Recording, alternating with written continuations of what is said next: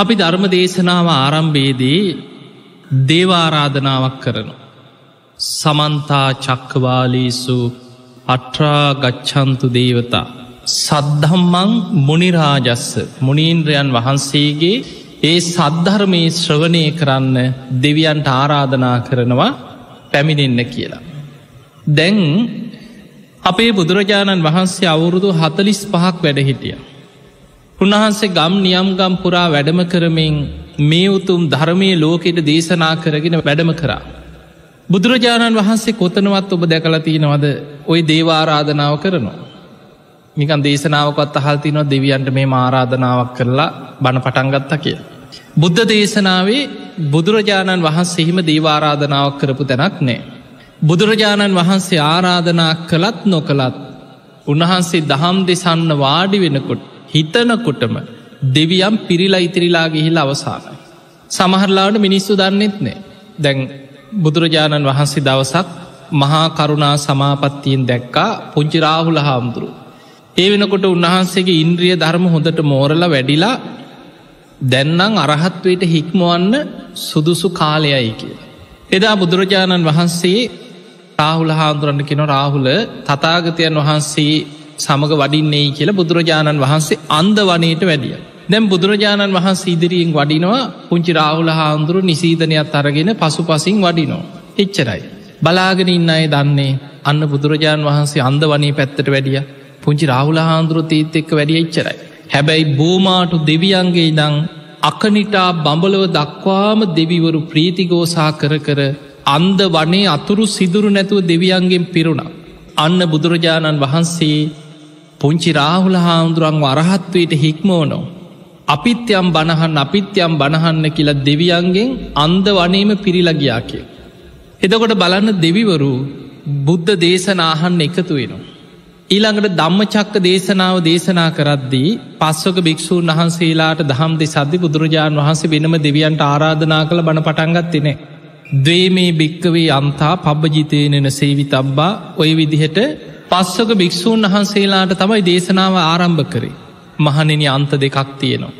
ශරීරයට අධික ලෙස සැප සම්පත් දෙමින් යන මේ කාමසු කල්ලිකාන යෝගේ එකන්තයක්.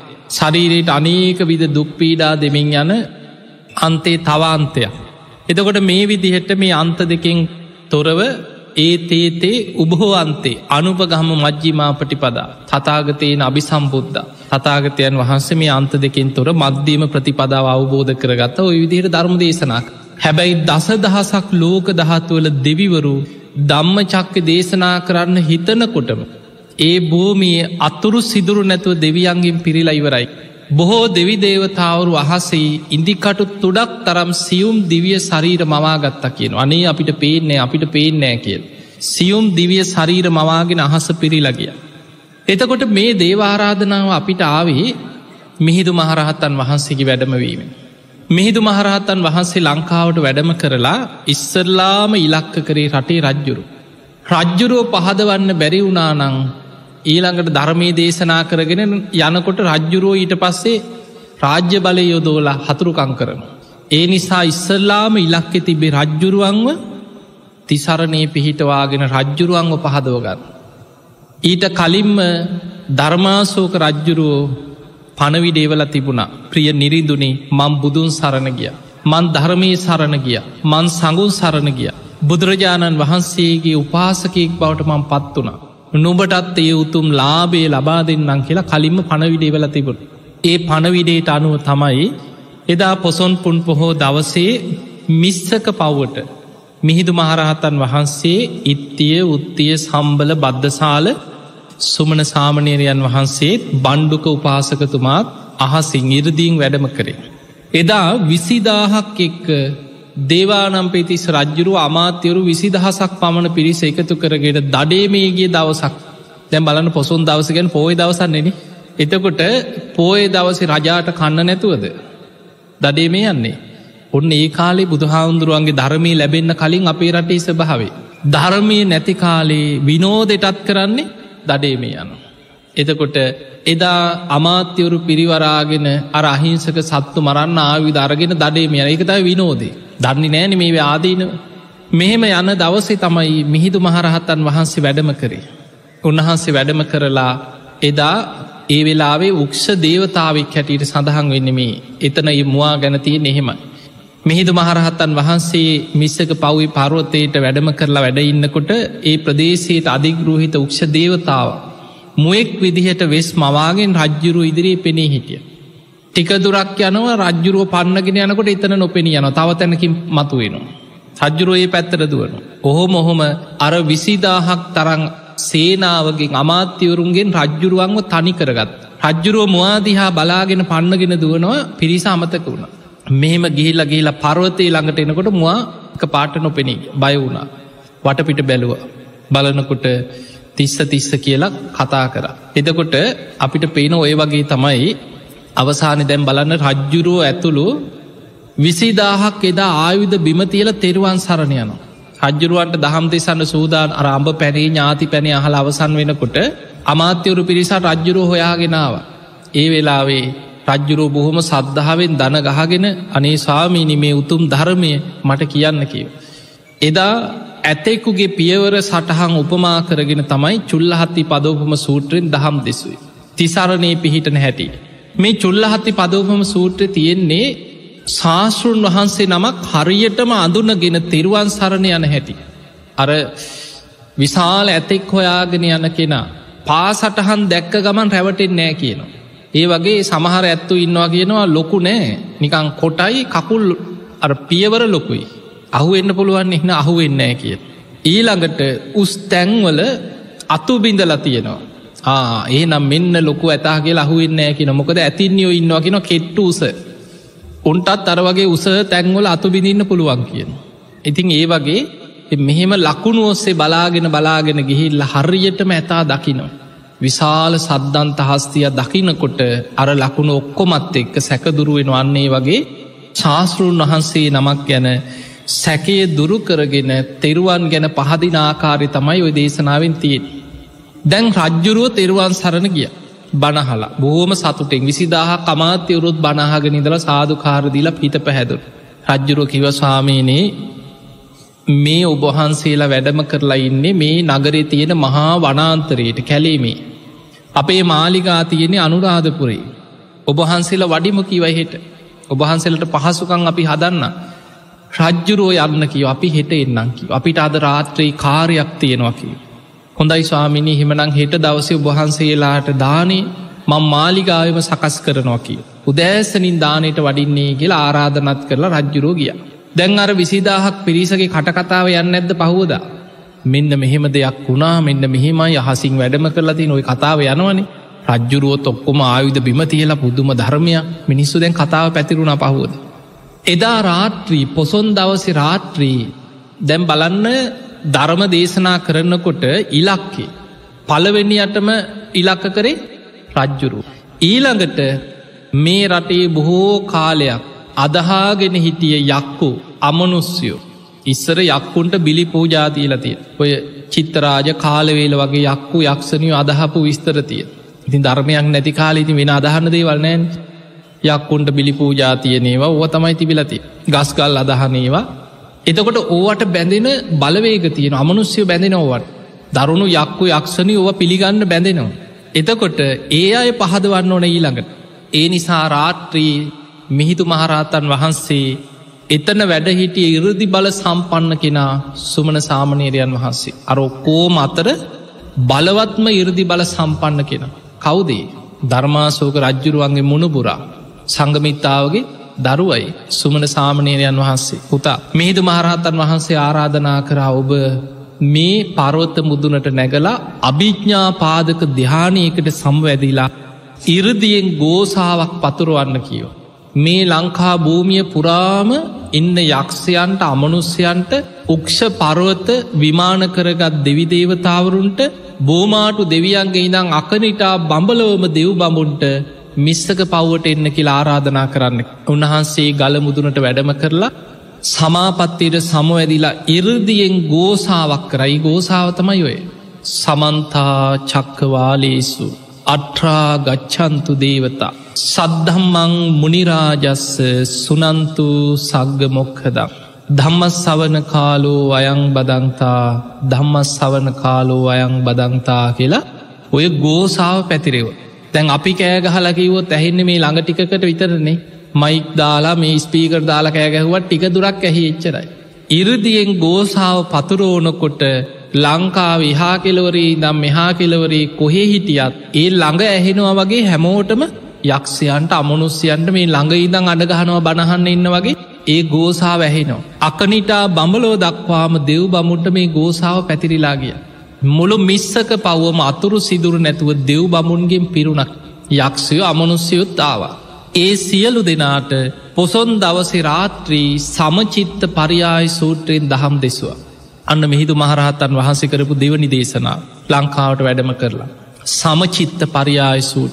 ඒ දේශනා වහල බොහෝ දෙව් මමුන් ධර්මාවබෝධි ලබනවා තුනුරුවන් ගැන හිත පැහැදිවූ. දැන් ඔන්න ඉදා රාත්‍රී ගෙවුණේ හෙම. පසුවදා රජ්ජුරුව උදේම කරත්ත පෙලක් බොහෝම ලස්සන්ට සරසල කරත්ත පෙලක් එව්වා. මේදු මහරහතන් වහන්සේ ඇතුළු පිරිස මාලිගාවට දානට වඩම්ම. අද ඉතින් වාහන නිස්සර කරත්ත සත්තු බැඳ. කරත්තවල සත්තු ගැට ගහපු ඉව නැගල යන්නේ. එතකොට බුදුරජාණන් වහන්සේගේ ඒක විනේ නීතිය. ඒ කාල මිනිස්සු බනිනවා. අකුසල් කරගෙන තියෙනවා මුල් කාලීති භික්‍ෂූන් වහන්සේලාව මිනිස්සු වඩිනකොට ස්වාමිනි චාරිකාවද වඩින්නේ? උබහන්සේ වඩින්න කියලා ඇනකොට සමහරු බනිනෝ මේ හිත්පිත් නැති මේ ශ්‍රමණයෝ මේ අහිංසක සත්තුන්ගේ මේ පිටේ නැගල යනවා වගේ මේ කරත්තවල නැගල යන මුම් පව්කාරයෝ කිය කිය බනින්න ගත්ත. බුදුරජාණන් වහන්සේ වෙලාවේ මිනිස්සු පවපුරෝගන්නවා ඒ වගේ හේතු මත සත්තු බැඳපු කරත්තවල යන්න එපා කියල නීතියක් පැන්. ඒ නිසා ඒ වෙලාවේ බුදුරජාණන් වහන්සේ මේ විනේ නීතිය මිහිදු හාදුරු දන්න උන්වහන්සේ වදාලා අර කරත්තවල ආපු අයට බුදුරජාණන් වහන්සේගේ ශ්‍රාවකයෝ සත්තු බැඳපු කරත්තවල වඩින්නෑකි යන්න කිව අපි එන්නම් කියව කරත්තටික යවලා කරත්තවලටත් කලින් අහසීම වැඩම කරා රජමාලිගාවට. උන්වහන්සේලා රජමාලිගාවට වඩිනකොට රාජකය විශාල පිරිසක් බලාගෙන හිටිය පුදුමෙන් පුදුමට පත් වනා උන්වහන්සේ අහසිං වඩිනවා දැකළ. ඒ වෙලාවේ මාලිගාවි දානය සකස් කරලා තිබුණා දානයේ පිරිනමල අවසන් වෙනකොට අනුලා බිසෝ ප්‍රධාන බිසෝවරු ටික ඉදිරියෙන් වාඩි වුණ. කාන්තාව සේවිකාව පන්සීයක් විතර හිටිය කියන. මේ පිරිසට දෙවනි දවසේ පේතවත්තු විමානවත්තු ඇසුරෙන් සච්ච සංයුක්තයෙන් දහම් දෙස්වා. ඔන්න දෙවනි දවස පොසොන් දවසට පහෝද. පේතවත්තු කියන අහල ඇති නොන්නේ ප්‍රේතලෝක ඉපදිච්ච ප්‍රේතයන්ගේ අමනුස්්‍යයන්ගේ ජීවිතකත්. විමානවත්තු කියන්නේ දිවිය ලෝක ඉපදිච්ච දෙවිවරුන්ගේ ජීවිත කතා ඇසුරු කර ගනිමින් දහම් දෙස්ව. ඉළඟට සච්ච සංයුක්තය ගැන චතුරාරි සත්‍යය ඇතුළත් දේශන කොඩක්තිය වන්න ඒව එකතු කරගෙන බණකියෝ. පන්සීයක් අනුලාබිසෝ ප්‍රධාන පිරිස සුවාන් පලට පත් වනා කියලා තින. ඔන්න දෙවනි දවසේ තමයි මාර්ගපල් ලැබ ඉස්සරලාම මාලිගාව හිටිය අර බිසෝවරුන්ගේ පන්සීයක් දෙනා ධර්මාවබෝධය ලබට.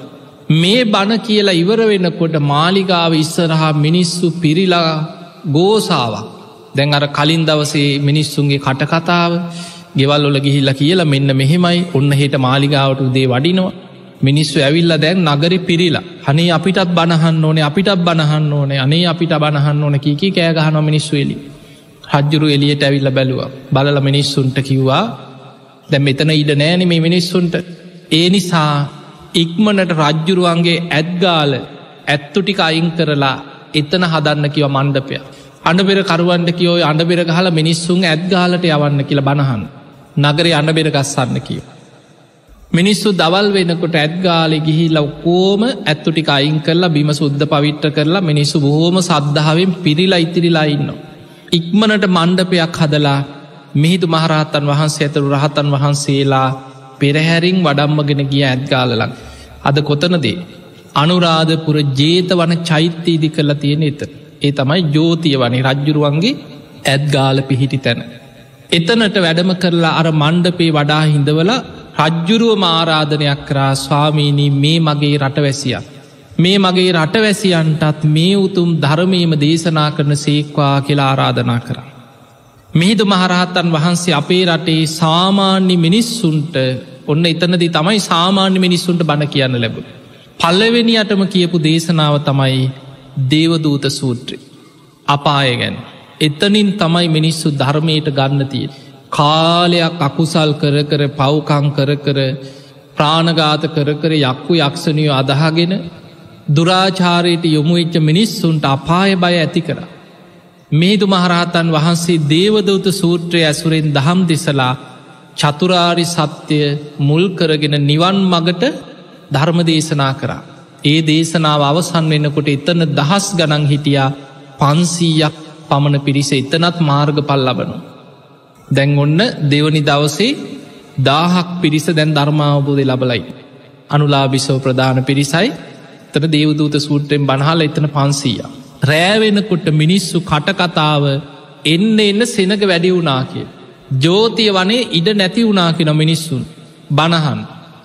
ඊට පස්සේ රජ්ජුරුව කල්පනා කරා මේ තරම් පිරිසක් රජ්ජුරෝ කියෙනව සාමීනී එහෙමනං අද රාත්‍රීත් ඔබහන්සේට ධර්ම දේශනා කරන්න වෙනවා. මගේ උයන තියෙනවා කිව රාජකිය වන මේ එහා පැත්ති තියෙන්නේ. එතන හොඳට ඉඩ තියෙනවා ලස්සන තැනක් කියව රමණීය තැනක් රාජකිය උයන. ස්වාමීනයේ ඔබහන්සේ එතන්ට වඩිමක මං මිනිස්සු එතන් රැස් කරන්න. ඒ තමයි මහමේ වුණාවයෙන් රජ්ජුරුවන්ගේ රාජකිය උයන. ඉක්මනට එතන මණ්ඩපයක් හදලා අර මිනිස්සු රැස් කරා එතන්ට එතන හොඳර ඉඩට ඉඩ තිබ්බ. දැන් රාත්‍රී දහම් දෙසන්න ආයමත් එතනති ආරාධනා කරා ස්වාමීනී මේ පිරිසටත් මේ උතුම් ධර්මය දේශනා කර. එදා මෙහිදු මහරහතන් වහන්සේ රාත්‍රී දේශනාව පටන්ගත්තේ බාල පණ්ඩිත සූත්‍රය. මෙහිදු මහරහතන් වහන්සේ බාල පණ්ඩිත සූත්‍රයෙන් තමයි දේශනාව පටන්ගත්. පටන් අරගෙන ඒ දේශනාව කරලා ධර්මාවබෝධයට මග දේශනා කළ අවසන් වෙන්නකොට එතනත් පන්සීයක් පිරිස මාර්ග පල් ලබන. දෙවනි දවසේ එද්දාස් පන්සීයක් මාර්ග පල් ලැබුව කියලතිය. දැන් එදා රෑ වුණා බණ කියල ඉවරනක හොඳටම රෑවෙලා. මහම වුණාවය රජ්ජුරෝ කිව්වා සාමීනී දැන් හොදටම රාත්‍රී. දැන් ඔබහන්සිල මේ මහරෑ අර මිස්සක පව්වට වඩින්න එපා කරුවලයි රාත්‍රී ඔබහන්සේ මේ මගේ උයනෙම නවා තැන් ගන්න මං පහසුකං හදන්නං කිවදරාත් හොඳයි රජතුමනි කියලා උයනේ හදල දුන්නවුන් වැඩ ඉන්න උයන වැඩ හිටිය. පහෝදා උදේ රජ්ජුරුවෝ රාජකිය පිරිසත් එක උදේ පාන්දර උන්වහන්සේලා වන්දනා කරන්න පැමිණිය. එනකොට මිහිදු මහරහත්තන් වහන්සේ ඇතුළු පිරිස අර මහරහත්තන් වහන්සේලා වැඩ ඉන්නවා උයනේ ඇවිල්ල වන්දනා කළ රජ්ජුරු අහනෝ ස්වාමීනී. ඒ රාත්‍රී සුවසේ වැඩ හිටියද. සැපසේ නින්ද ගියාද මැසි මදුරුවන්ගෙන් එහෙම කරදරයක් පීඩාවක් ඇතිවුණාද ඔබහන්සේලා කොහොමද කියල හැව ඊට පසිකිව රජතුමනී මෙතන බොහොම සුවසේ අපේ ඒ රාත්‍රී වැඩ හිටිය බොහොම හොඳයි කියව මෙතන. ඊට පස්සේ රජ්ජුරුව අහනෝ සාමීනයේ ඔබහන්සේලාට කැප දැහුව මේ වගේ තැන් මේ මගේ රාජකිය උයන ඔබහන්සේලාට සුදුසු දැහුව මෙතන. ඔබහන්සේලාට කැපයිනම් මං මේක පූය කරන්නංකි. ඊට පස්සේ මේදු මහරහත්තන් වහන්සේ රජතුමනී අපේ බුදුරජාණන් වහන්සේටත් රජ කෙනෙක් ඉස්සරලාම මේ වගේම ලස්සන උයනක් තමයි කියව රජ්ජුරුවන්ගේ උයන පූජා කරේ කියලා වේලු වන පූජාව ගැන දහම් දෙසවා. මේ වේලුවන පූජාව ගැන බණ අහල අවසන් වෙන්නකොට රජ්ජුරුවෝ සාධකාරදීලා කිව මම මගේ උයනත් ඒ බිම්බිසා රජ්ජුරුව වගේම මගේ උයන මං පූජ කරනවා කියලා රජ්ජුරුවන්ගේ මංගල හස්තියගේ පසු පස රන් නගුලක් ගැට ගැහුව කිය. රත්තරන් නගුලා. මේ නගුලෙන් සීමාමායින් ලකුණු කර. ලකුණු කරලා ඒ භූමිය රන් කෙන්ඩියකින් පැන්වක් කරලා මේ භූමියම බුද්ධ ශාසනයට මහා සංඝයාට සඟ සතු කරල පූජ කර. ඔය විදියට තමයි අනුරාධපුර මහමෙවුණාව යෙන පූජාවෙන්නේ තුන්ගෙන දවසේ. මෙහිදු මහරහතන් වහන්සේ ඇතුළු පිරිස එදා ඉනං එතන වැඩ හිටිය දහම් දෙසුව. එදකොට පිංහතුනේ ඔය විදියට තමයි මේ ධර්මය ව්‍යාප්ත වෙලාගිය. තිං එනිසා අද අපි ඔය කාරණා එක්ක අපිට තියෙන වටිනාම ධනය ධනවත්කම ආර්ය ශ්‍රාවකයාගේ ධනය. අපි ලෝකෙ දිහා බලපු හමාමයා සල්ලිකාරය. මෙයා නංහොද පොහොසතා. අපි දකින්න මිනිස්සුන්ගේ බෞතික දේවල් වලින් ඉඩ කඩංවලින් යානවාහනවලින් මිනිස්සුන්ගේ කරේ තියෙන රත්තරම් බඩුවලින් සමහරු ඕ ඇන්න මිනිස්සු මනින්නෙනේ හිතකුට ආමයා සල්ලිකාරය මෙයා පොහොසතා බුදුරජාණන් වහන්සේ බුද්ධ ශාසනයේ තුළ ධනවත්කම පෙන්නුවේ කරුණු හතකි. ඒ තමයි සත්තාරය ධනය අන්නේ ධනයෙන් ධනවත් එන්න මහන්සිගත්. උපදිනකොට උපදිනකොට සත්තාරය ධනයෙන්ම ඉගන්නෙක් වෙන්න පුළුවන්. දන්නෑ නී සද්ධාවනය සිල්වත්කමනෑ පවට ලැජ්ජා බයි හිරියොත්තප්ප නෑ ඒව දන්නේ නෑ. ඊළඟට සුත දහම් දැනුම නෑ උපදිනකොට. තියාගේ දන්නේ දන් දෙන එකේ වටිනාක ප්‍රඥාව නෑ. හැබැයි ඔහොම කාලයක් ඉඳලා ඉඳලා ටික ටික යම් දවසක අපිට ධර්මය කන වැටුනද.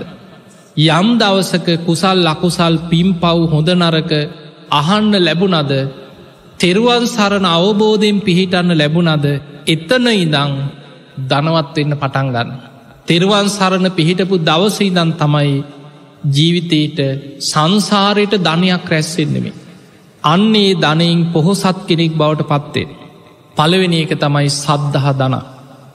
ඔබ නිතර බුදුගුණම හිතනවා කියන්නේ ඒ ධනය දවස ගානි රැස් කරනවා. ඒ ධනේ රැස් කරන කෙනෙක් බවට පත්තෙත්. බුදුගුණ හිතනවන. ඊළඟට ඔබ දහම් ගුණ හිතනවා නිතර ධර්මය ගුණ වසයෙන් හිතනවන. අන්න සද්ධහා ධනය රැස් කරන කෙනෙක් බවට පත්තේ. සඟගුණ හිතනවන තැන් ඔයි තේර තේරී ගාතාතියෙන් රහත් භික්‍ෂූන් වහන්සේලා මහරහතන් වහන්සේලගේ ජීවිත කතා. තේරී ගාතා කෙන රහත් භික්‍ෂුණීන් වහන්සේලගේ ජීවිත කතා. උන්වහන්සේලාගේ ගුණ ධර්ම. ඒවා කියෝනකොට කියෝනකොට අපිට ඇතිවෙන්න උන්වහන්සේලා තුළ තිබ සිල්වත්කම ගුණවත්කම අටලෝ දහම ඉදිරියේ කම්පා නොවීම අකම්පිත බව උන්වහන්සේලා තුළ තිබිච්ච මහා ගුණධර්ම අපිට ඒවා කියෝනොකොට සද්ධාව උපදින. තුනුරුවන් ගැන සද්ධහාව ඇතිකරගත්ත කෙනා ඒ කාන්තෙන් සල්ලිවලින් කරන්න බැරි දේවල් තියෙනවන්. දැන් අපි හිතමු අපිට කෝටි ගානක් ධනය තියෙන රත්තරන් තියෙන. ඔක්කොම කන්දක් හැටියට ගොඩ ගැහුව කියලා හිතන් රන්ද්‍රදී මුතුමැනි කන්දක් ගොඩ ගහලා. කියන වනේමා වයිසට යනක වලක්වන් පුළුවන්ද බෑ සල්ලිවලින් කරන්න බෑ. මැරෙන්න්න පනාදිනවා ලෙඩක් හැදිලා. කෝටි ගණන් ධනය තිය. ගිහිල්ල කියනවා මෙන්න සල්ලි අනේ මාවලිමේ ලෙඩෙම් බේරලදේ පුළුවන්ද බෑ. ලෝකයේ සමහර රෝහල් වලට ඔය මැද පෙරදික රටවල්වල දනකුවේරයු. ඒ අය සමහරුව පිළිකා රෝග හැදිලා මරණාසන්න වෙලා ඒ අයට වෙනම පෞද්ගලික ජෙට්්‍යානා තියෙනවා.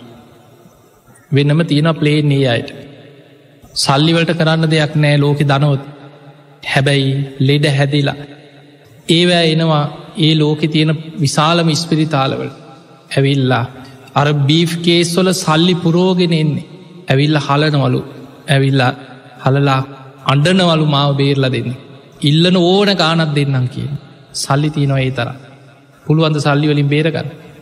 ඒ නිසා ඒ වගේ අපිට පේනවා මරණය ඉදිරී මොන තරන් ධනය තිබුණත් මොන තරං වස්තුව තිබුණත් මට මෙච්චර දේපල තියෙනවා.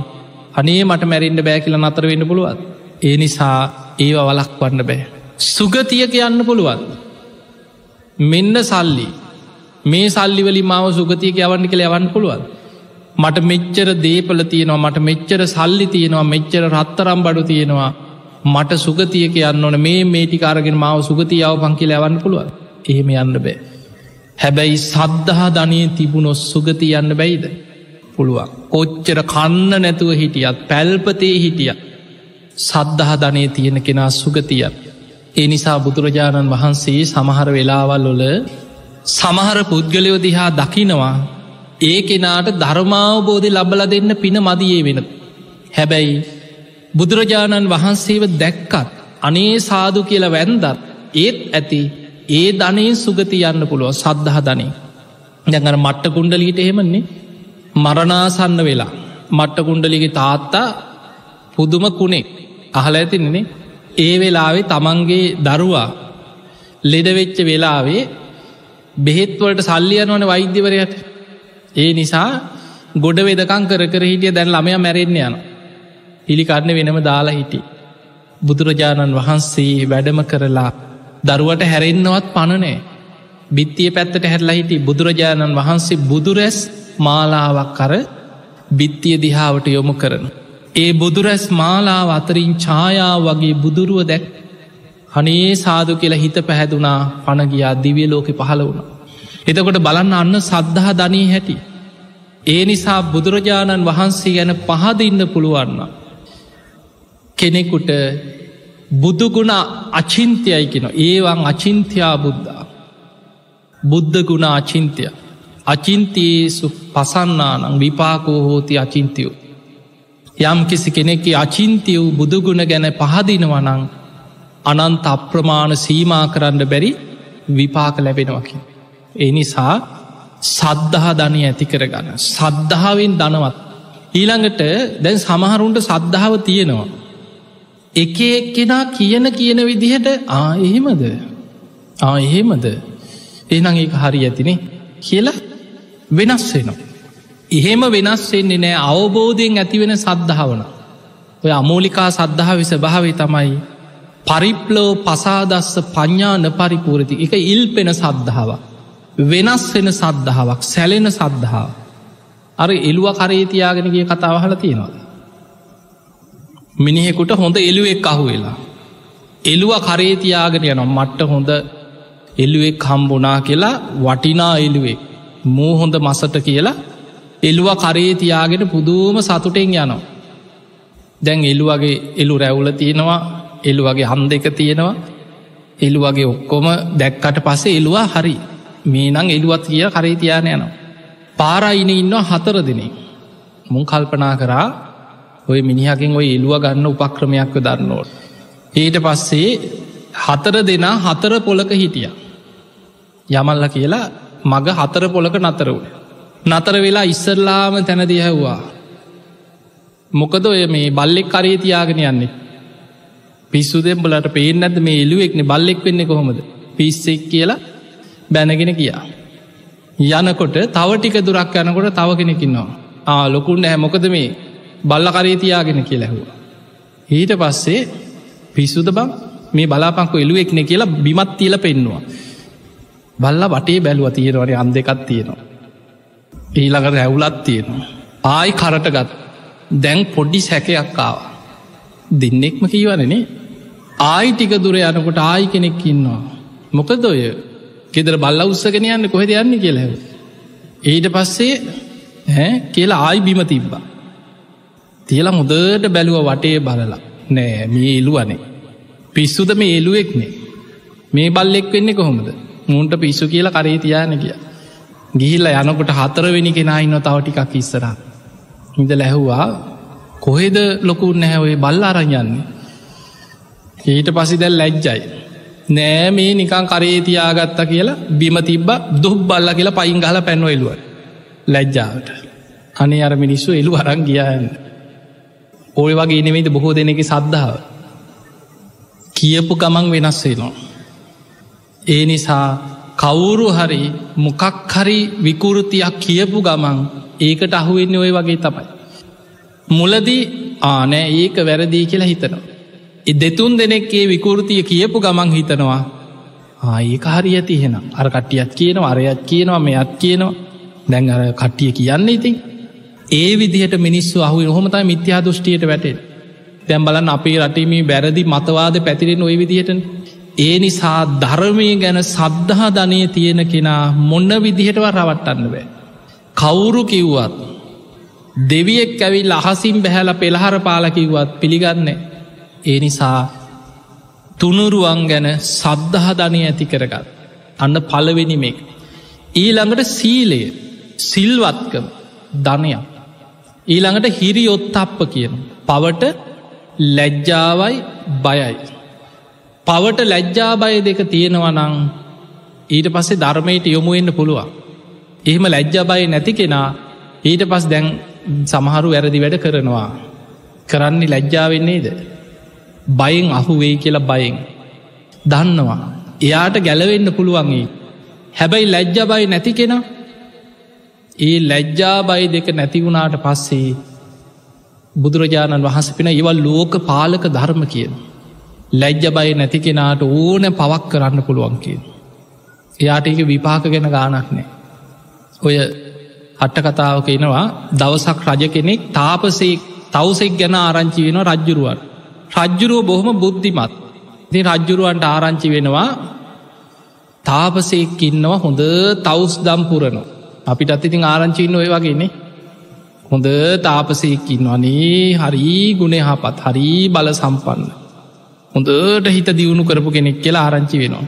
අජ්ජුරුව මොකද කරන්නේ රාජපුරුෂයත් එක්ක ඒ වෙලාවේ දැම් පරිස්කාර අරගෙන ඔළුවෙ තියාගෙන රජ්ජුරුව තාපසය බලන්න යනකොට මෙන්න තාපසය මාළු බාන. රජ්ජුරුව එනවා දැක්කා විතරයි තාපසය ඉක්මට බිලිපිත්ත වීසි කර.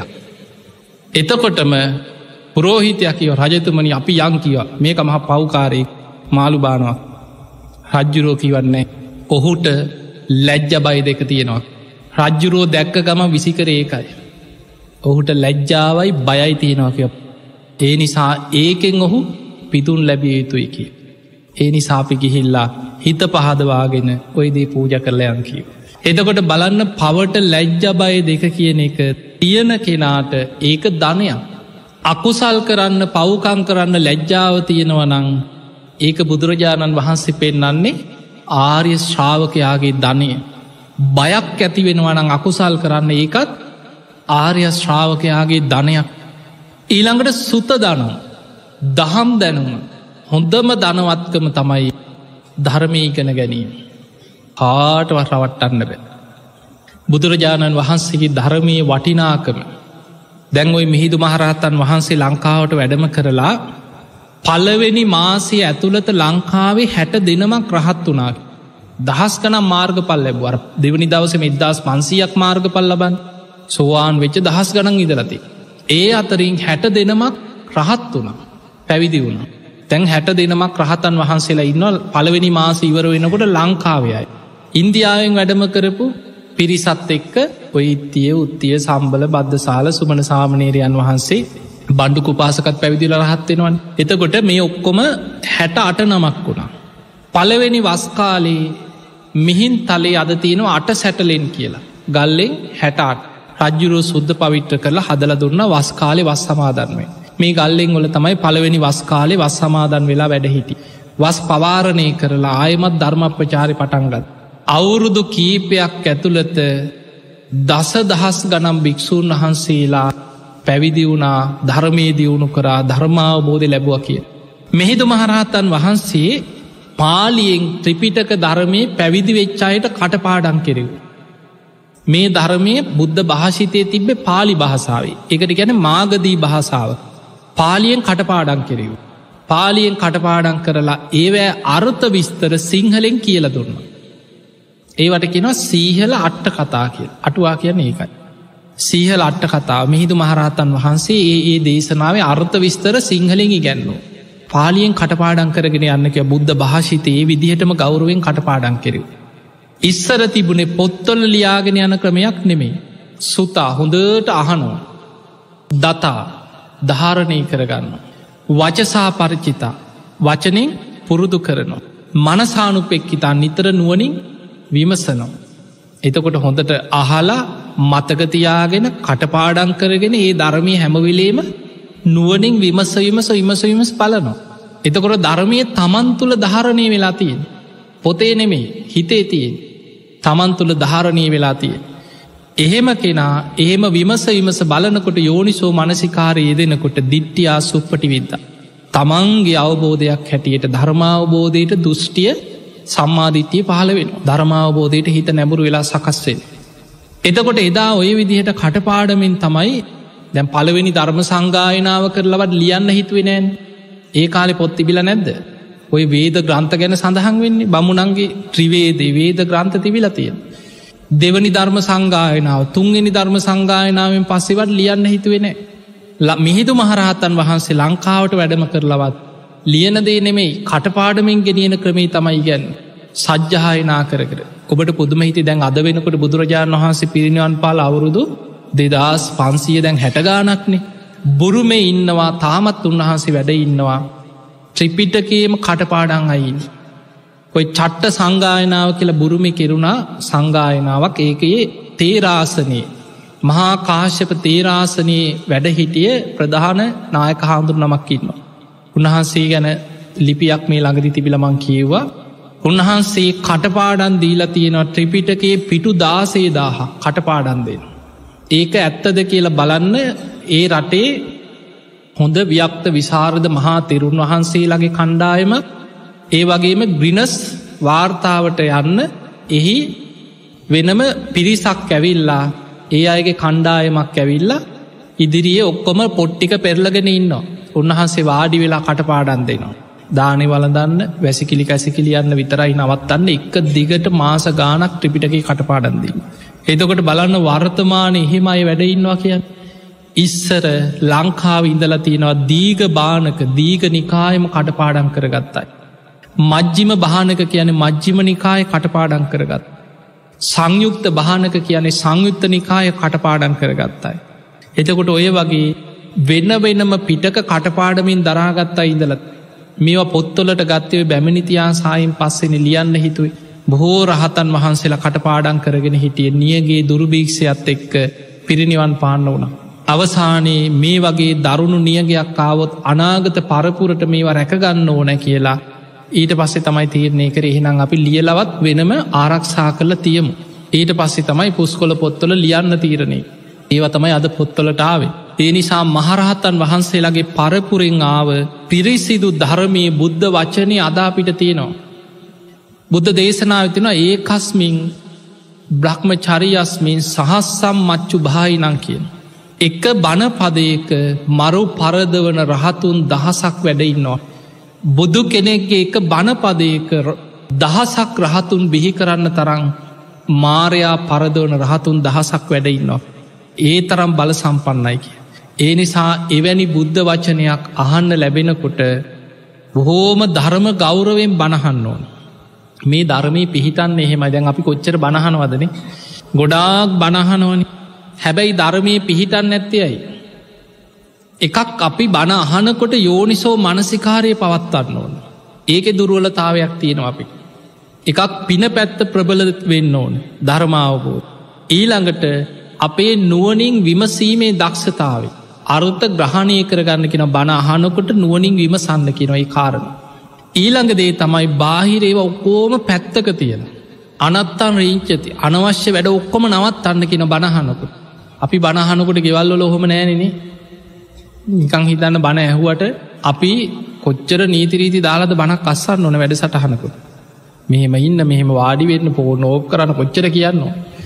කෙවල්ලොල මිනිස්සු බණහන ඇට හිතන ඔහේ රේඩියක දාලාට ඒවියක දාලා ඇවිද ඇවිදන ඉන්න ගෙදරනේ එතකොට දම්ම කාමෝ බවන් හෝති ධර්මයට කැමති කෙන ආස කෙනා ගෞරව දක්වන කෙනා ධර්මය තුළ දියුණුව කරායන. දම්ම දෙස්සී පරා බව. ධර්මයට අකමැති කෙනා ධර්මය තුළ ගරහන කෙනා පහත් කරන කෙනා මෙලෝ පරලොව දෙකින්ම පිරිහිලා පිරිහිලා යම. ඒකන ඉස්සර මිනිස්සු බණ පොතට හඳුන්කුරු ටික ඉඳං අල්ල වඳිනම් පොත්තොලට. බුදුන් අදින තැන තමයි පොට්ටහක් තියාග. බුදුන් ඇඳලත් ධර්මරත්නයට වෙනම වන්දනා කරනවා බණ පොට්ටික්. පොතක පිටු නමන්නේ පොත්තල ඉරිගහල අරේමේ නිකං ලියලා එහෙම කරන්න බොහොම ගෞරුවේ. දැන් අපි ගමු දේශනාවක් අපි ලියාගත්ත කියලා සූත්‍රයක් කියලා ඒකර පොතේ කටුගන්න ටිපිටක පොතේ වෙනම කොලේක ලියලා මැදින් දාලා ගෞරවේ ධර්ම පොතට බණ පොතක් කියෝනකොට පොතට වැඳල කියවන්න. එදකොට තමයි ධර්මය පිහිටන්. ඒ ධර්ම ගෞරවයත් එක්ක ධර්මය පිහිටනවා.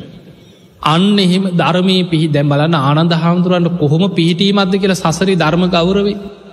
කල්ප ලක්ෂයක් පෙරුම්පුරාගෙනාවත් ධර්ම ගෞරවෙන්ම සසරෙන් නුවන පුරුදු කරගෙන බුදු කෙනෙක්ගේ බණපදයක් ඇසූ පමණින් මට මතක හිටීවා. අසූ හාරදහසක ධර්මස්කන්දය එක පාරයි යහන්නේ දේශනාව මතකයි. බුදුරජාණන් වහන්සේගෙන් ඉල්ලී මක්කරනේ ස්වාමීනී භාක්‍යතුන් වහන්ස ඔබහන්සේ මම නැති තැනක. යම් කෙනෙකුට යම් ධර්ම කොටසක් දේශනාකරොත් ඒ කොටස ආයමත් මට ඒ විදිහටම දේශනා කරන්න මොක අනාගත පරපුරට අරගෙන යන්න. ආනද හාමුදුරු සතිමන්තානං සිහිනුවන තියෙන භික්‍ෂූන් අතර අග්‍රයි. යමක්ෂණයෙන් වැටහෙන භික්‍ෂූන් අතර අග්‍රයි. මතක ශක්තියෙන් අග්‍රයි. අග්‍ර උපස්ථායක. එතකොට අපිට මතක ශක්තිය කියන එක ඇතිවෙන්නේ ධර්ම ගෞරවයත්තේ. ඒ නිසා ධර්මයට ගරු කරන්න. බොහෝම ගෞරවයෙන් බණහන්ඩ බණහනකට. වාඩි වෙලා ගෞරවෙන් බොහොම සද්ධාවෙන් තුනුරුවන්ට ජීවිතයේ පූජා කළ අනේ මේ බණපද මට හොඳට ධාරණය වේ. මට ධර්මාවබෝධයටම මේ දේශනා උපකාර වේවා. එවැනි අධිෂ්ඨානයකින් බණහන්. එහෙම බණහනකොට හොඳ දහම් දැනුමක් ඇති වෙනවා ඒක තමයි කෙන ආර්ය ශ්‍රාවකයාගේ ධනෙ ධනවත්කම දහම් දැනුම තියෙන කෙනා බොහෝම දනවත් කෙනෙ. ඊළඟට ත්‍යාග දනම. අපි දන් දෙනවා කියන්නේ සංසාරයට නිධානයක් තැම්පත් කරා කියන දන් දෙනවා කිය. එතකොට අපිට කාටහරි දානයක් දෙනවනං අපි දැන් ඔබේ කෑම පිගානත් දුන්න කියලා කුසගින්න ඉන්න කෙනෙකුට. කාටහරි අසරනයකුට උදව් කරා කියලා. ඔබ දුප්පතෙක් වෙනවාද. ඒ නිසා ලැබෙන හැම වෙලාම පුළුවන් මට්ටමෙන් පින්කං කරන්න. ඒ කරන පින දික්ට දම්ම වේදනය ලැබීමක් තියෙනවා එක පැත්තක. ඊළඟට දන් දෙනවා කියන්නේ සංසාරයට නිධානයක්කි. මෙලවට විතරක් නෙමේ. නිවන් දකිනකන් සසර ගමනට නිධානයක්. ඒ රැස්කර ගන්න දන්දීලා රැස්කර ගන්න ධනය ඒක දැන් අපි මේ ජීවිතේ ගොඩ ගහගත දේවල් හුස්මටික යන ගොඩ දාලයන්න එප කොච්චර සල්ලි රත්තරම් බඩු මොනවා හඟගෙන තිබ්බත් ඒව ඔක්කොම හුස්මටික යනකොට දාලයන්න වෙන ආයගෙන යන්න බෑ. හැබැයි සද්ධහා ධනය සීල ධනය හිරි ඔත්තප්ප දනං සුත දනං ඊළඟට ත්‍යාග ධනී දන්දීල ඇතිකර ගන්න ධනේ දානාදී පින්කං වලින් රැස්වෙන සංසාර ගමනට රැස් කරගන්න ධනය නිවන් දකිනකං ගෙනියන්න පුළුව. ඒකයි බුදුරජාණන් දැන් සීවලි හාමුදුරන්ට බලන්නන සසරි කොහේ හිටිය කැලේක හිටියත් සිව් පසේ ටික ලැබෙන වරදින්නේ. එතකොට අපිට පේනවයි ලැබීම සසරි පුුණ්‍ය නිධානයක් තැම්පත් කර ගත්ත කෙන. ඒ නිධානය නිසා සුකාපටි පදා සැප සහිත මාර්ගයකින්ම නිවනට යන්න පුළුවන් කිය. ඒ නිසා පුළුවන් තරන් දම්පින්කංක දන් දෙනකොට හිතන්න මම සංසාරිට නිධානයක් තැම්පත් කරන. නිවන් අවබෝධය පිණිස මට මේ දානාදී පින්කම් මට පාරමිතාවක් වේවා කියල හිතන්න දන් දෙන. එහෙම හිතාගෙන පින්කං කරන්න පුළුවන්ත. ඊළඟ එක තමයි ප්‍රඥාව බලවත්ම නිධානය ප්‍රඥාව නුවන හැම වෙලාම අනිත්‍ය වසේ මෙනෙහි කරන්න. මේ ආයතන හය පංචුපාදානස්කන්දේ අනිත්‍යයි කියලා නුවනින් විමසන්. බුදුරජාණන් වහන්සේ පෙන්න්නනවා මහනිනී මේ ලෝකයේ බුදු කෙනෙක් ලෝකට පහළ වෙන්නේ. සාරා සංකයේ කල්ප ලක්ෂයක් පාරමී පුරාගෙන නැවිල්ලා. ඊටත් එහා මනෝ ප්‍රනිධානයේ වාක් ප්‍රනිධානයේ සොලුසා සංකයේ කල්පලක්ෂයක් මනසෙන් වචනයෙන් බුදු බව ප්‍රාර්ථනා කර කරා.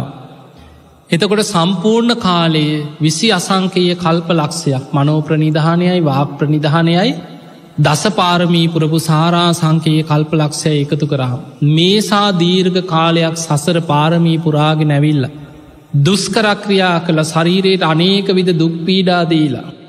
ලෝතුරා බුද්ධත්වයට පත්වෙන්නේ අනිත්‍ය දුක්කානාත්ම කියන මේ ලෝකෙ වැහිලා තියෙන අවිද්‍යාවෙන් වැහිලා තන්හාාවෙන් බැඳිලා ඉන්න සත්‍යයන්ට සසර වැසී ගිය කාරණා තුනක් මතු කල්ල පෙන්නන්නයි. ඒ තමයි මිනිස්සු අවිද්‍යාව නිසා අනිච්චේ නිච්ච සංඥි. අනිත්‍යදේ නිත්‍යයි කළ සංඥාව වැරදියට අල්ලගෙන තියෙන. දුක්කේ සුක සංඥී. දුක සැපක් විදිහට වැරදි සංඥාවෙන් ගන්න. අසුබස්දේ සුභ සංඥාවෙන් ගන්න. අනාත්මදේ ආත්ම සංඥාවෙන් පිළිගන්න. අන්නේ නිසා අන්තෝ ජටා බහි ජට ඇතුළතිනු තවුල් කරගෙන පිටතිනු තවුල් කරගෙන ජටාය ජටිතා පජා. අවුලෙන් අවුලට පත්වෙලා සසර යනෝ. මෙන්න මේ සත්වයාට කෙලෙස් ගැට ලෙහාගෙන.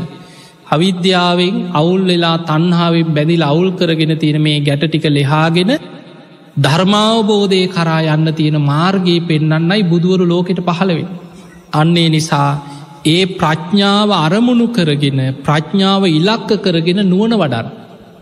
අන්න එතකොටයි ධර්මාවබෝධයට හිත සකස් කරගන්න පුළුව. ඒ වෙනුවෙන් හොඳට ඔය කියන සත්තාරය ධනයෙන්ම ධනවතෙක් බවට පත්වේ. ඒක තමයි ධනවත්. එහෙම ධනය තියෙන කෙනා බලන්න බුද්ධ ශාසනය තියනවල් සමහර වෙලාවට ඔබහල ඇති දානයක් දෙන්න. ලංකාවේ ඉතිහාසි තින ලංකාවට ඉදා හැට නමක් භික්‍ෂූන් වහන්සේලා. ගෙවල් ගාඩ පින්ඩ පාත යනවා දාන ටිකක් දෙන්න විදිිය. ඒ කාලේ මේ සේවිකාවක් හිටිය කියනවා දිග කොන්්ඩයක්ති. ධනවත් පවුලක සිටු කුමාරිකාවක් මේ කොන්්ඩ ඉල්ලුව කහවනු. සීයකට ඉල්ලුව දාහකට ඉල්ලුව දෙන්නෙම නෑකිව කියට. ඊට පස්සේ කාවනු දස දහස් ගාන්ට ඉල්ලුව ඒත් දෙන්න හිෝ. ඒ තරම් කොන්්ඩෙ බිම ගෑවෙන මට්ටමට දිගයි. දවසක් මේ බොහොම දුප්පත් පැල්පතක හිටපු කෙනෙ. දැක්කා ස්වාමීන් වහන්සේලා පිරිසක් පින්ඩ පාති වඩිනවා ගිහිල්ල වැඳ ලැහව ස්වාමීනි උබහන්සේලට පින්ඩ පාතිදානේ ලැබු නද කිය ලැහව තාම නැත නැගනියෙක් ඊට පස්සේ හිරන් ස්වාමීනි ඕහම වැඩ ඉන්නකි වැඩ ඉන්න කියලා ඉක්මට ගේ ඇතුළට ගිහිල්ලා තමන්ගේ අර දිගු කෙස් වැටිය කැපුවා. කපල ඉවරලා මේ කෙනෙකුට දුන්න ඉක්මනට යන්න. ඔබ ගිහිල්ලා අර අසවල් සිටු මැදුරේ මේ මේ කෙස් වැටිය දීලා මගේ කලින් සල්ලිල්ල තිබුණ ගිහිල්ල ඉල්ලගෙනන්නක මේ මුදල් අරං එන්නකව දානයන්. දැන් කෙස් වැටිය ගිහින් දුන්නට පස්සේ දැන් කේවල් කරා. ඒව ඒ ඉල්ලපු කාලෙ මං ඉල්ලපු ගාන දැන් දෙන්න ඇකි එහෙම ඕන්න කවනු හැටත් දෙන්නම් කිය කැපුවට පස්සේක වටිනාගම නෑ කියව මොනොහරි කියන්න එපෑ. කියලා ඊට පස්සේ ගොයි තියල යන්න කියලා කහවනු හැටත් දුන්න. ඊට පස්ස දැන් කරන්න දෙයන්න කහවනු හැටක් දුන්න නැගනියෙක් හිට පස්සේ කියව කමක් නෑ ස්වාමීන් වහන්සේලා හැට නමක් ඉන්නවනේ. ඔය ගෙවල් හැටකට කහවනුව කහවනුව දීගෙන දීගෙන යන්න කියව දීලා කියන්න කිව ඉක්මනට දානි හදලා උන්වහන්සේලාට දානය දෙන්න කියලා. ගෙවල් හැටකට කහවනුව කහවනුව දීලා දානි සකස් කරලා අර හැට නමක් ස්වාමීන් වහන්සේලාත් දානයේ පූජා කර. එහෙම දානයේ දීලා උන්වහන්සේලා දං වලඳලා එතන හිටපු ඉරදි බල සම්පන්න මහරහතන් වහන්සේ නමක්. උන්වහන්සේ දිවසින් දැක්ක දානය ලැබිච්ච හැටි. උන්වහන්සේ දානයේ දීලා දං වලඳල අවසන් වෙන ඒ පින් අනුමෝදං කරනකොට අර කෙස් ඒ විදිහට මායි වැැවුණ කිය. එදකොට බලන්න මේවා ඉතිහාස දේශනාවල තියෙනවා. ඔය වගේ බුදුරජාණන් වහන්සේ කාලෙත් ඔහොම වෙලාතිය කලවයින් මස් කෑල්ලක් කපල දුන්න කියනවනේ. මරණාසන්නව බෙහෙතක් අවශ්‍ය වෙච්ච කෙනෙකුට. එතකොට බෙහෙතකටේ සමහර බෙහෙත්වලට අවශ්‍යයි ඒ කාලේ විරේක බෙහෙතක් වලඳ දන්නේ නෑ හැබැයි බුදු හාමුදුරුව ඒක තහනන් කරනවා. සුදුසු නෑ කියලා. හැබැයි මේ මිනිමස් වල්දන්න කියලනෑ කොහෙවත්. හැබැයි ඒ වෙලාවේ සද්ධාව නිසා කලවයින් කොටසක් කපල දෙනවා. බුදුරජාණන් වහන්සේ පස්සේ ඒක දැනගෙන විනේ ශික්ෂාපදයක් පැනෙව්වා ඒ මිනිමස් වැලදීම කරන්න එපා එක තහනම් කියලා. හැබැයි එදා බුද්ධ ප්‍රමුඛ සංඝයා මේ නිවසට වඩිනකොට දැන් දානි හදලා සුප්පියා උපාසිකාවගේ මේ සාමිය මහලී කෙන රාජකුමාර බොහොම සද්ධාවෙන් ඇවිල්ල දැ වෙන මනුස්සයෙක් නම් ගිහිල් අර බිරිඳට බනිනවා සාප කරනවා මේකට පිස්සු කියලා බනි එහෙමනි බනිනෙනේ ස්වාමියයට පුදුම සතුටක් ඇතිව නනේ මගේ බිරිඳ මොන තරන් සද්ධාවන්ත කෙනෙක්ද.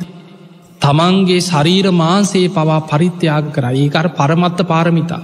ඇස් ඉස් මස් ලේ දම් දෙනවන කෙනෙක්ගේ ජීවිතය වෙනුවේ මගේ බිනිද මොන තරන් ත්‍යාකවන්ත කෙනෙක්ද තමන්ගේ ශරීර මාන්සේ දන්දුන්න කීවා. ඉක්මට ගිහිල බුදුරජාණන් වහන්සේට වැඳලකිෙනවා ස්වාමීනි මම පුදුම සතුටෙන් ඉන්නේ. මගේ බිනිද පුදුම සද්ධාවන්තයි. ඔබහන්සේ හෙට දවසේ දානයට වඩින්නේ මගේ නිවසට. එදා බුද්ධ ප්‍රමුඛ සංඝයා නිවසට වැඩම කර ඇහවකෝ සූපියා. එලියට එන්න විදිහක් නෑ කකුල බැඳගෙන ලේ ගලනුව තුවාලේ වෙලාගෙනන්න.